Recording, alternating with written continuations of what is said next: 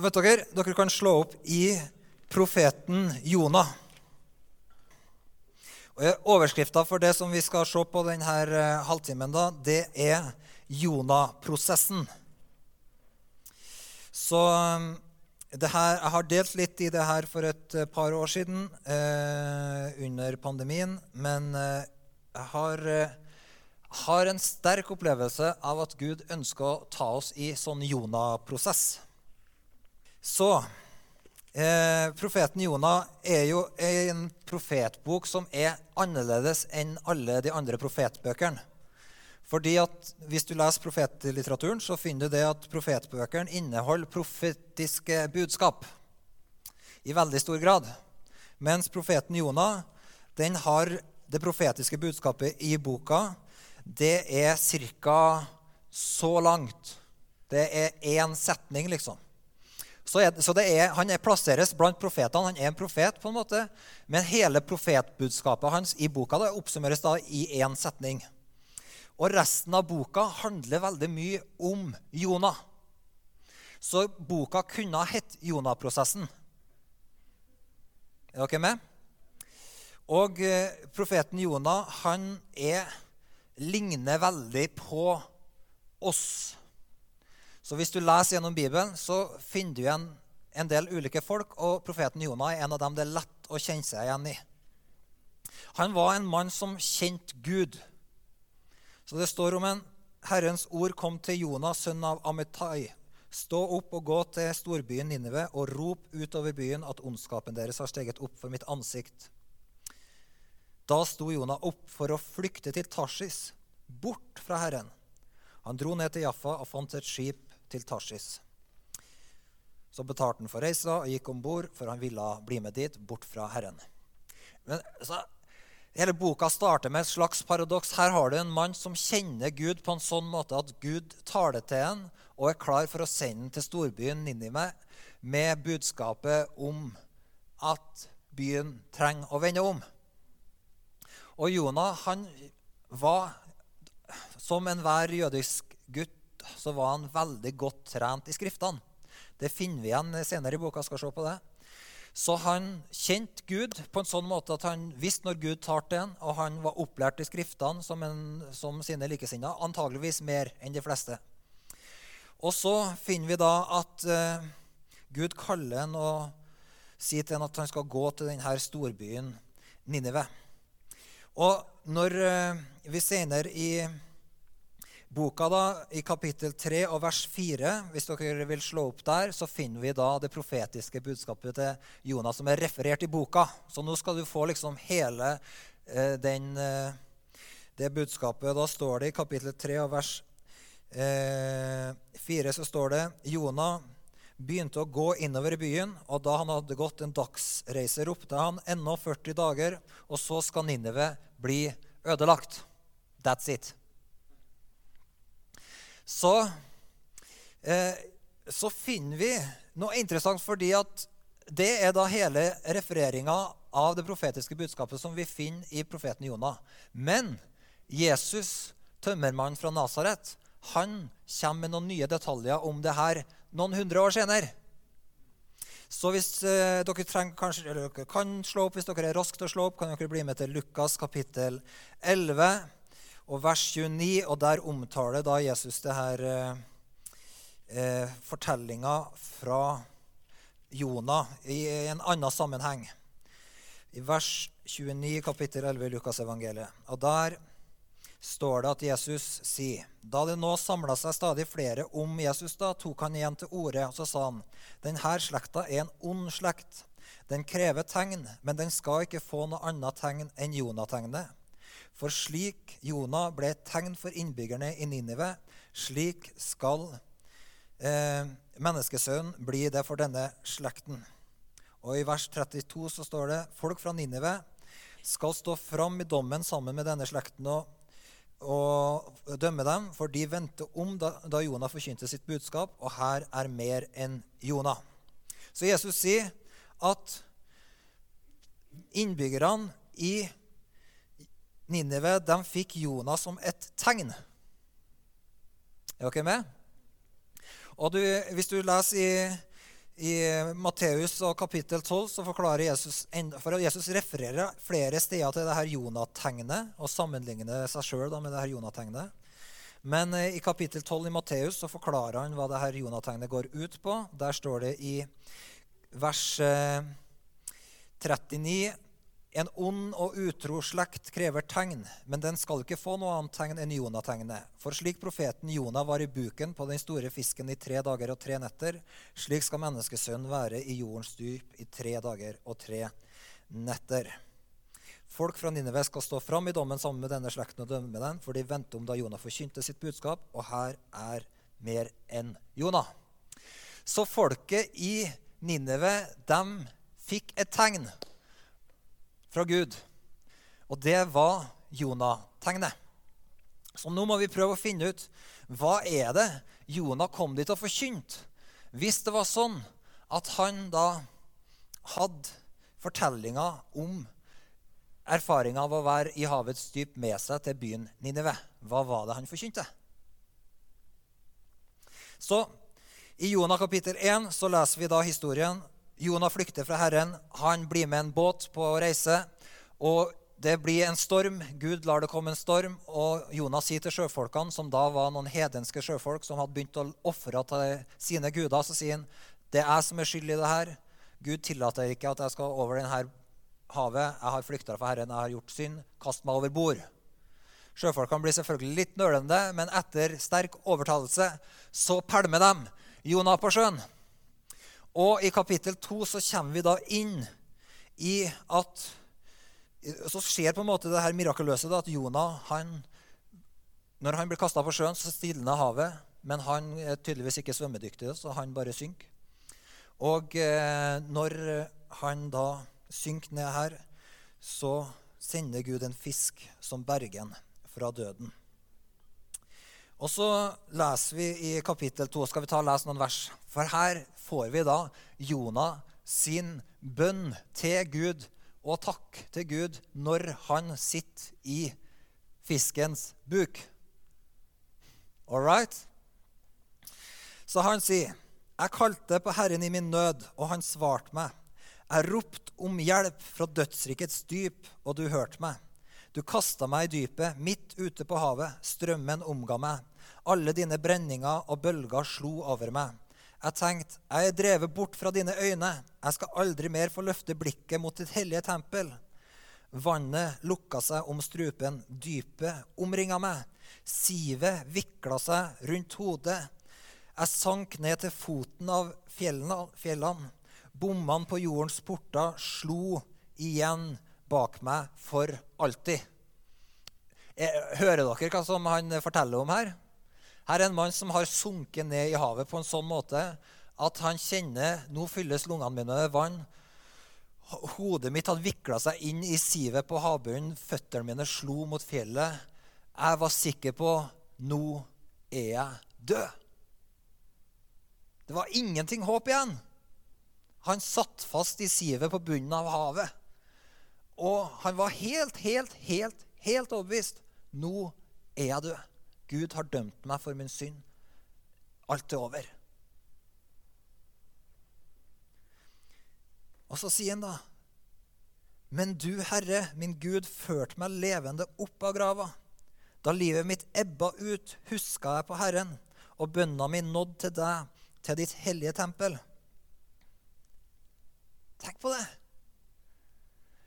I, han var Alt håp var ut. Han satt fast i sivet. Føttene hennes. han satt truffet bunnen på havet. Han var sikker på nå er jeg død. Men der, liksom i de siste sekundene av livet hans, så huska han på Herren. Og så ropte han til han. Eller han, han står ikke at han ropte, men bønna hans, ropet fra hjertet hans, nådd til deg, til ditt hellige tempel. Og Da står det da livet mitt ebba ut, så husker jeg på det. Og så kom Herren da og førte han levende opp av grava. De som holder seg til vind og tomhet, har svikta sin kjærlighet, men jeg vil ofre til deg med takkesang det jeg har lova vil holde. Frelsen kommer fra Herren.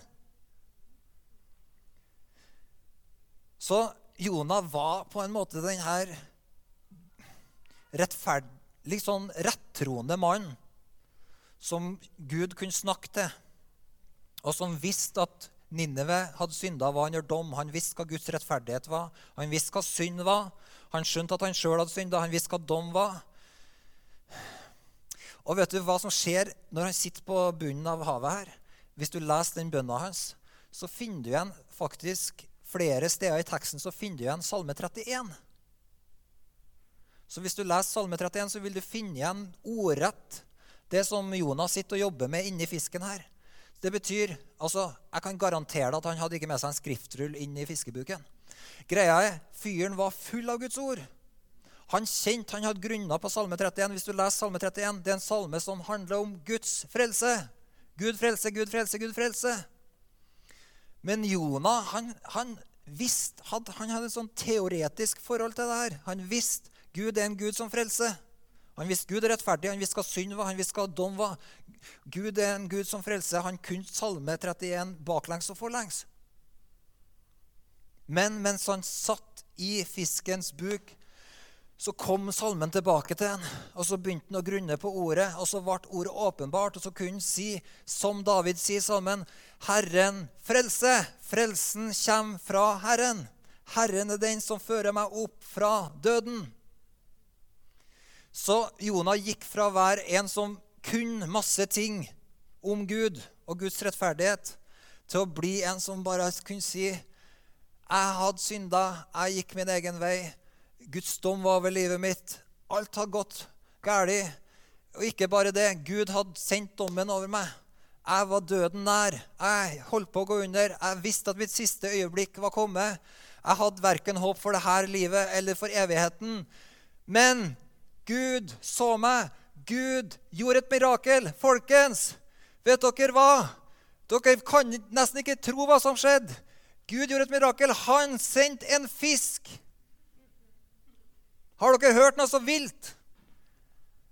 Av alle ting. Jeg trodde jeg var død. Alt håp var ut. Ingen mennesker der. Hva gjorde Gud? Hør! Han sendte en fisk. Det er helt sprøtt ettertida kommer til å få trøbbel med når de forteller denne historien. liksom. Det er helt ulogisk. Men det var det som skjedde. Her står jeg i levende livet. Jeg er på land. Jeg puster. Gud har redda meg. Gud har redda meg. Hør, Ninive. Gud har redda meg. Gud berga meg. Det er håp. Det er håp. Det Gud har gjort for meg, han kan gjøre det for dere. Jeg var tre dager og var sikker på at nå er det over. Men så spytta fisken meg ut på land. Gud har redda meg! Plutselig så kom åpenbaring fra Gud over denne salme 31. Plutselig forsto han Gud er en Gud som frelser. Gud er ikke bare en Gud som er rettferdig og dømmer og ferdig med det. Nei, Gud, han berger mennesker. Det eneste stedet du kan bli berga, det er hos Herren. Og han dro til Nivea og forkynte. Dere vet at dere holder på å gå under, akkurat sånn som meg. Dere vet at dere er i synd, akkurat sånn som meg. Dere vet at den byen her, det er bare 40 dager til den går under. Men hør, det fins enda håp. Det Gud gjorde for meg, kan han gjøre for dere. Vend om. Søk Gud. Er ikke det kult? Og Nineve fikk Jonategnet og trodde. Det er like vanskelig å tro på Jonategnet som å tro på korset og oppstandelsen. Det var et mirakel. Men folk i Ninive festa sin lit til dette mirakelet og skjønt Gud er en Gud som frelser. Da, i kapittel 3, da trodde folket i Ninive på Gud. De ropte ut en faste det her fra vers 5, og kledde seg i sekkestrie, både store og små. Da kongen av Ninive hørte om dette, reiste han seg fra tronstolen og tok av seg kongekappen. Han kledde seg i sekkestrie og satte seg i aske. Han lot rope ut i Ninive etter påbud fra kongen og hans stormenn, ingen verken mennesker eller dyr, storfe eller småfe, må smake noe som helst. De skal ikke beite og ikke drikke vann. De skal kle seg i sekkestride, både mennesker og dyr, og rope til Gud av alle krefter. Hver og en skal vende om fra sin vei og fra sine overgrep. Hvem vet? Kanskje Gud vil snu om og angre og vende seg bort fra sin brennende hvede, så vi ikke går under. Det var responsen til kongen. Han så det her. Han sa, 'Folkens, hører dere vitnesbyrdet til Jonah?'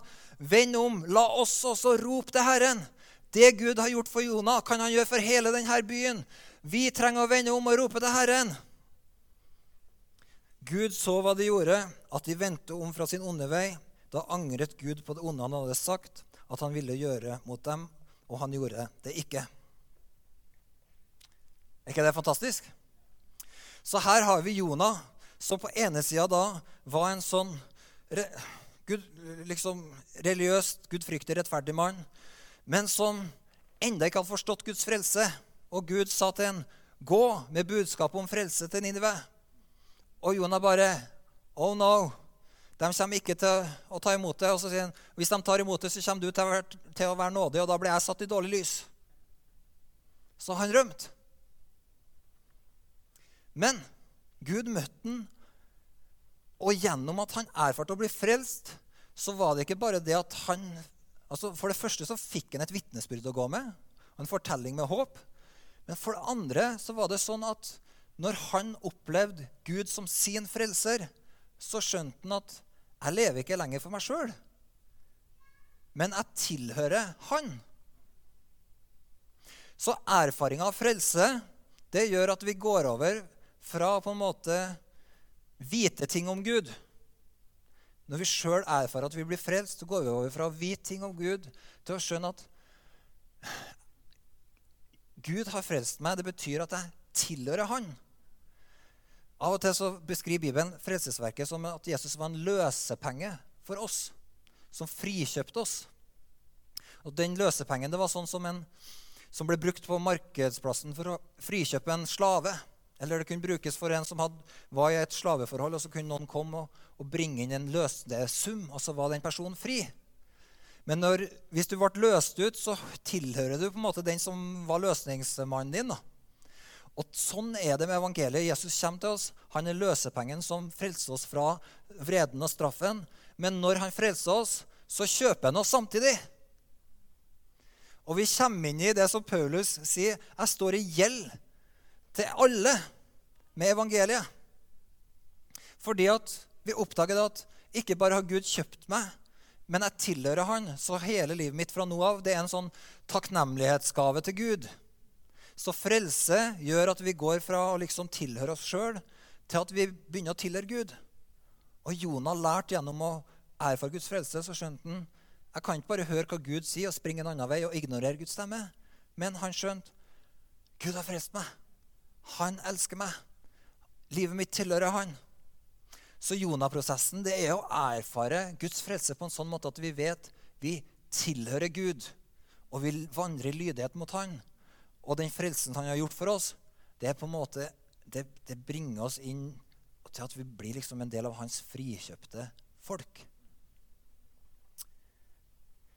Så Jonah-prosessen er frelse som gjør at vi tilhører og så er Jonas-prosessen frelse som gjør at vi har et vitnesbyrd som gir håp.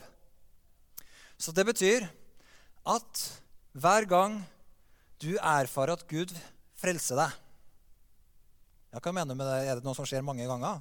Jeg har blitt frelst én gang. Nei, men vet du? Gud er en frelsesgud. Hver gang du er i en situasjon hvor du trenger hjelp, hvor du er i nød, hvor du har ropt til Gud, og Gud griper inn og berger deg, så blir det en del av frelseshistorien din og vitnesbyrdet ditt om Guds frelse. Vet du, Gud har lyst til å fylle Trondheim med vitnesbyrd om frelse. Eh, fordi at Trondheim kan være for oss som Ninneve var for Jonah. En by som vet at den er skyldig innenfor Gud, som holdt seg på avstand, som frykter for Guds dom, som tror Gud er streng og langt unna, og så kan vi være sånne Jonah-folk som bare tenker at ok, ah, Nineve sin synd og problemer det er deres egen feil. Jeg vil holde meg litt langt unna. Herre, la meg slippe å komme i trøbbel her. Jeg vil ikke blande meg inn i det oppvaskmøtet du skal ha med Nineve. liksom. Kom an, la meg få ha litt avstand. sånn kan vi ende opp med å bli. Men Gud ønsker at vi skal få bli sånne folk som bringer vitnesbyrdet om frelse ut til Trondheim. Og da er det sånn at hver gang du har et vitnesbyrd om at Gud har frelst deg, så gir det håp til mennesker i andre situasjoner som trenger frelse. Så det er ikke sånn at liksom, eksempel, Hvis det er noen som er syk, så trenger du å ha en historie om å ha blitt helbreda for at de skal få tro. Men kanskje du har vært i en økonomisk vanskelig situasjon og så opplevd et mirakel fra Gud. Og så kan du si at Gud er stor. Han gjorde det her for meg. Og så gir det folk som trenger tro og inngripen fra Gud i en situasjon med dårlig helse, de får tro. Gjennom ditt økonomiske mirakel. Eller du kan vitne om at du kanskje sitter sammen med noen som eh, kanskje er på fengselsbesøk og treffer noen som har eh, banka kjerringa i 20 år. Og så tenker du hvordan skal jeg formidle håp om frelse til dem? Men så kan du fortelle din egen historie og si at vet du, jeg, Innenfor Gud så visste jeg at jeg, jeg, var, jeg var en synder. Jeg har gått min egen vei. Jeg har gjort ting som Gud eh, hater. Men Gud frelste meg. Og Gud tilga meg syndene mine. Jeg har fått god samvittighet. Et nytt liv. Så kan du si det til folk. Og så kan ditt vitnesbyrd om frelse bli til tro til frelse for mennesker rundt deg. Så, folkens, det er tid for å liksom grave fram vitnesbyrdene og fortelle dem. Fortell dem til hverandre. Når du opplever Guds godhet, Guds inngripen, Guds frelse, fortell det. Og vi trenger å fortelle det på en sånn måte at det på en måte høres litt i byen. Sånn at mennesker som trenger tro, som trenger å høre om at det fins frelse, at det ryktet der kan komme liksom litt utafor bobla. Så på en måte kan du si at gjennom Jonah sin frelseserfaring så tok Gud frelsesbudskapet i Salme 31, kverna det gjennom Jonakverna, og så brakte han det gjennom Jonah og inn til byen Nineve. Før var det bare i synagogen, men fordi Gud lot Jonah få erfare Salme 31 og bli frelst fra Gud, og det ordet der, så kunne Jonah springe med det ordet til Nineve. Er dere med? Så Gud ønsker å ta det ordet som han har gitt oss i huset sitt, gjennom livene våre, sånn at vi kan ta det med oss inn i mennesker sitt liv som trenger å høre det. All right? Og vet dere Jonah han ble forma av Gud. Og her er det et kjempeparadoks. fordi at i alle dager, Herre, hvorfor kalte du Jonah? En mann som ikke skjønt hva frelse var, for å bringe frelse til en by som trengte frelse. Vet du hva det neste som skjer i fortellinga om Jonah? Det er at når Gud berger byen, folket vender om til han, og Gud sier 'Jeg skal spare byen', så sitter Jonah og ser på. og Han sitter der antakeligvis i 40 dager og venter og ser at byen ikke går under. Og så sier han bare 'Å, søren'. Er det mulig? Det er helt sant. Han ble sur over at byen ikke gikk under.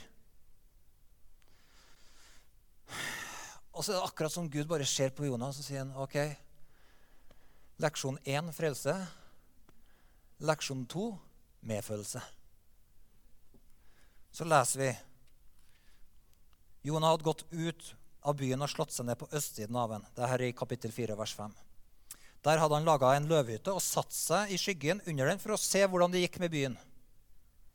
Da lot Herren Gud en risiniusbusk vokse opp over Jonah for å kaste skygge over hodet hans og fri ham fra mismotet. Jonah gleder seg stort over busken. Ikke det her rått? Han sitter og venter på å se om en by, hel by går under. Og er litt mismodig, for han tror denne byen kommer ikke til å bli berga. Men så lar Gud det vokse opp en busk, og så blir han så glad. tenker jeg. Jeg har det diggeste livet nå. Jeg har ikke bare utsikt over denne byen som kanskje går under, men jeg har jo en busk, liksom. Wow, luksus. Jonah gleda seg stort over busken, men ved daggry neste morgen sendte Gud en mark som stakk busken så den visna, og da sola sto opp, sendte Gud en brennende østavind. Sola stakk Jonah i hodet så han nesten besvimte. Han ønska at han måtte få dø, og sa 'jeg vil heller dø enn å leve'. Da sa Gud til Jonah, 'Er du virkelig så sint av resiniusbusken?' Han svarte, 'Jeg er så sint at jeg kunne dø.' Herren sa, 'Du hadde omsorg for resiniusbusken, som du ikke har hatt noe arbeid med og ikke fått til å vokse opp, og som ble til på en natt og ble ødelagt på en natt.' Skulle ikke jeg ha omsorg for storbyen Ninive, hvor det er mer enn 12 ganger 10 000 mennesker som ikke vet forskjell på høyre og venstre, og hvor det også er en mengde dyr? Og du bare tenker Altså, Jonah. Her har du akkurat hatt ditt livs mirakel, og Gud har latt deg for å bli frelst. Og så går du til ny på denne byen, og så er hjertet ditt like hardt som liksom en Går det an? Men er ikke det fantastisk å se at Gud på en måte først ga han en leksjon 1, havets bunn, leksjon 2, risiniusbusk. Gud var ikke ferdig med Jonah. Han tenkte jeg har bedre planer for Jonah. Jeg har tenkt at han skal få lære det her med medfølelse. Jeg har tenkt å la han bli smitta av et hjertelag, sånn at når han sitter her og ser på byen, så skjønner han at det handler om omsorg. Det handler ikke om en sånn kald rettferdighet på en måte der bare en dom skal skje eller ikke skje. Nei, det handler om jeg elsker folk. Jeg elsker folk. Jonah, jeg elsker folk. Jeg elsker folk. Jeg elsker folk. Ikke bare folk, også dyr. Jeg elsker dyr og folk. Til og med dyrene i byen betyr masse for meg. Jeg har skapt dem. Jonah, kom igjen. La hjertet ditt få litt medfølelse og kjærlighet. Bli varm i hjertet, Jonah. Jeg tror Jonah kom igjennom, altså. Han lærte det jo første gangen. Så sjøl om han var tunglært, så var han en disippel. Sjøl om det var mye han ikke skjønte, så jeg tror ikke bare Jonah kom gjennom på frelse, men han kom gjennom på, på medfølelse òg. Det, det, står ikke her under, men det, jeg tror det. Fordi han hadde en lærevillighet som gjorde at han lærte i hvalens buk. Og nå hadde han fått en ny leksjon. Men vet du, vi er sånne folk som Gud bruker til å bringe evangeliet. Og Gud kunne bruke en mann som mangla både forståelse av frelse og forståelse av nestekjærlighet. Til å frelse den største byen i verden på den tida. Mm.